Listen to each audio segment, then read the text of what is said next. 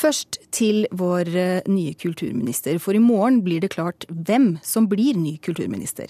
Og selv om det ikke er bekreftet, har flere medier publisert at det trolig er eh, Toril Vidvei som skal lede Kulturdepartementet i den nye regjeringen.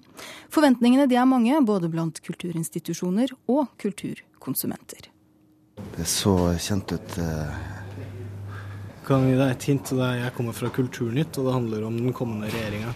Ja, Er det nye kulturminister, kanskje? Vi er på Deichmanske hovedbibliotek i Oslo med et bilde av kvinnen som ryktes å bli Norges neste kulturminister. Ja. Toril Vidvei. Ja, det, det, det var noe kjent med. Ja. Veldig spent på det, siden vi begge driver med kultur. Hun med kunst og jeg jobber i teaterbransjen, så vi er veldig spent på utfallet. Frykter jo at de kutter ned på eh, på støtta til uh, kulturelle tilslag i samfunnet. Freddy Jensen. Sara Mathisen. Erik Ulsby, teatersjef på Det Norske Teatret.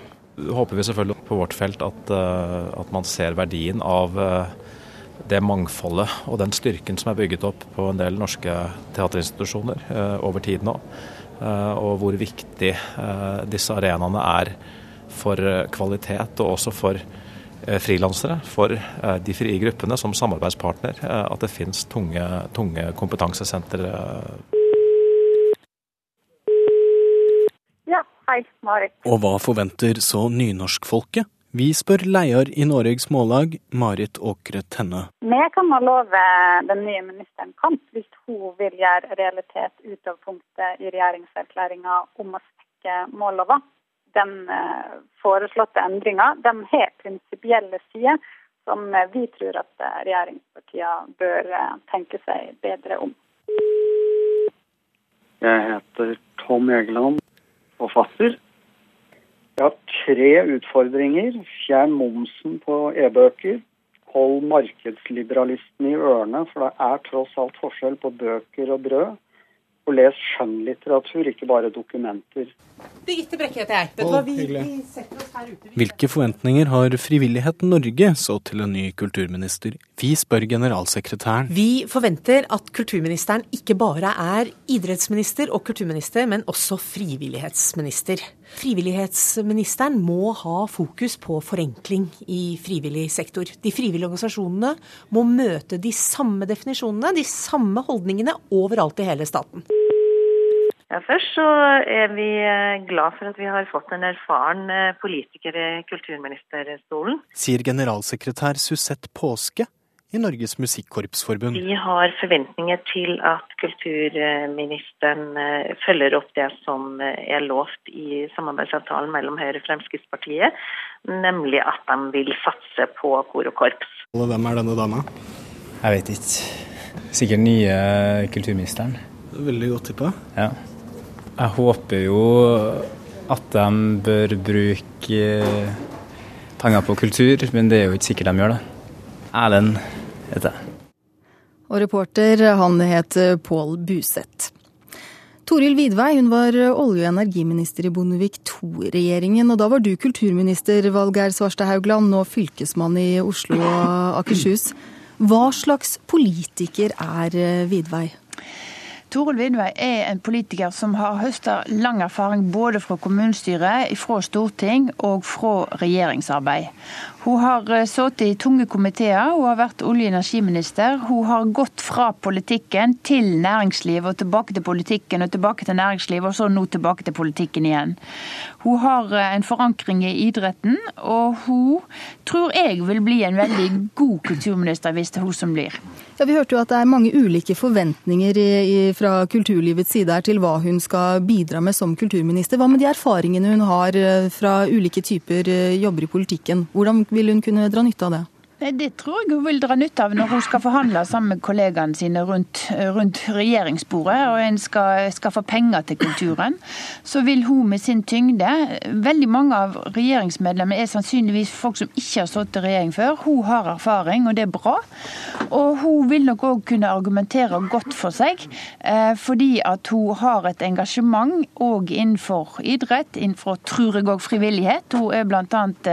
Eh, styreleder i Sjømannskirken engasjere Norsk kirke i utlandet. og Det er jo basert veldig mye på frivillighet. Og hun har en brei politisk plattform. Som, men at kulturlivet har mye å kreve henne for. Sånn er det alltid. Alle kulturministre blir avkrevd løfter, og at de må prioritere sitt felt. Og Jeg tror hun klarer å rydde i det òg, jeg. Hva med personlige egenskaper, da? Hva, hva, har hun der som hun kunne dra, dra nytte av, mener du? Toril er ei veldig trivelig jente. Hun er eh, alltid i godt humør. Hun er flink til å, å til å finne poengene. Hun, hun, er en god samarbeidspartner. Eh, så når jeg hørte ryktene om at hun kanskje kunne bli kulturminister, så tenkte jeg dette er bra for eh, kulturlivet, og det er òg bra for henne. Fordi eh, min erfaring er jo at det er den ministerposten i regjering som er den kjekkeste av alle postene. men, men, hvorfor mener du at det er så bra for kulturlivet? Hvorfor var det tanken som slo deg? Jo, fordi at hun er en dreven politiker som har jobba både på lokalt nivå og i Stortinget og i regjering. Og når hun har alle disse all denne erfaringa med seg, så vil hun òg kunne se på de ulike eh, satsingsområdene ut ifra både den lokale politikken hun drev på Karmøy når hun bodde der, og òg det sentrale hun eh, var med på når hun var her i Oslo, både i storting, som rogalandsrepresentant og i regjering. Hva med da du var eh, kulturminister, viste hun spesiell interesse for kulturfeltet da?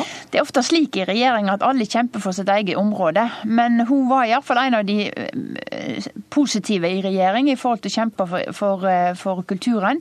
Det er slik at en har lett for å Når det er flerpartiregjering, så har han lett for å, å, kjempe for områdene til sine partifeller og til sitt område, og ikke se så veldig mye utover det når en skal kjempe for midlene.